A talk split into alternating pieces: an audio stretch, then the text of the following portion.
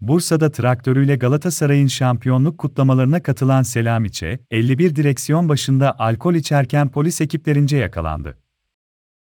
Alkol testini reddeden ve ehliyetsiz olduğu tespit edilen sürücü gözaltına alınırken toplam 19.835 Türk Lirası cezai işlem uygulandı.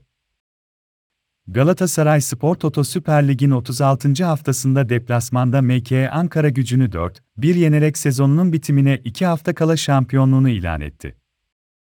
Maçın bitiminin ardından Bursa'da yaşayan sarı kırmızılı taraflarlar sokaklara çıkarak şampiyonluklarını kutladı. RAN'ın haberine göre, İnegöl ilçesinde caddeleri trafiğe kapatarak konvoy yapan binlerce Galatasaray taraftarı meşale yakıp marşlar eşliğinde şampiyonluklarını kutlarken polis ekipleri güvenlik önlemi aldı. Alkollü ve ehliyetsiz traktör sürücüsü Kutlamaların yoğun olduğu Atatürk Caddesi'nde denetim yapan polis ekipleri konvoyda bulunan traktörün sürücüsünün direksiyon başında alkol kullandığını tespit etti. Durdurulan traktörün sürücüsü Selamiçe, 51 alkol testini reddederek bölgeden uzaklaşmak istedi. Polis ekiplerine direnerek zor anlar yaşatan Selamiçi'nin ehliyetsiz olduğu tespit edildi. 19 bin lira ceza kesildi gözaltına alındı.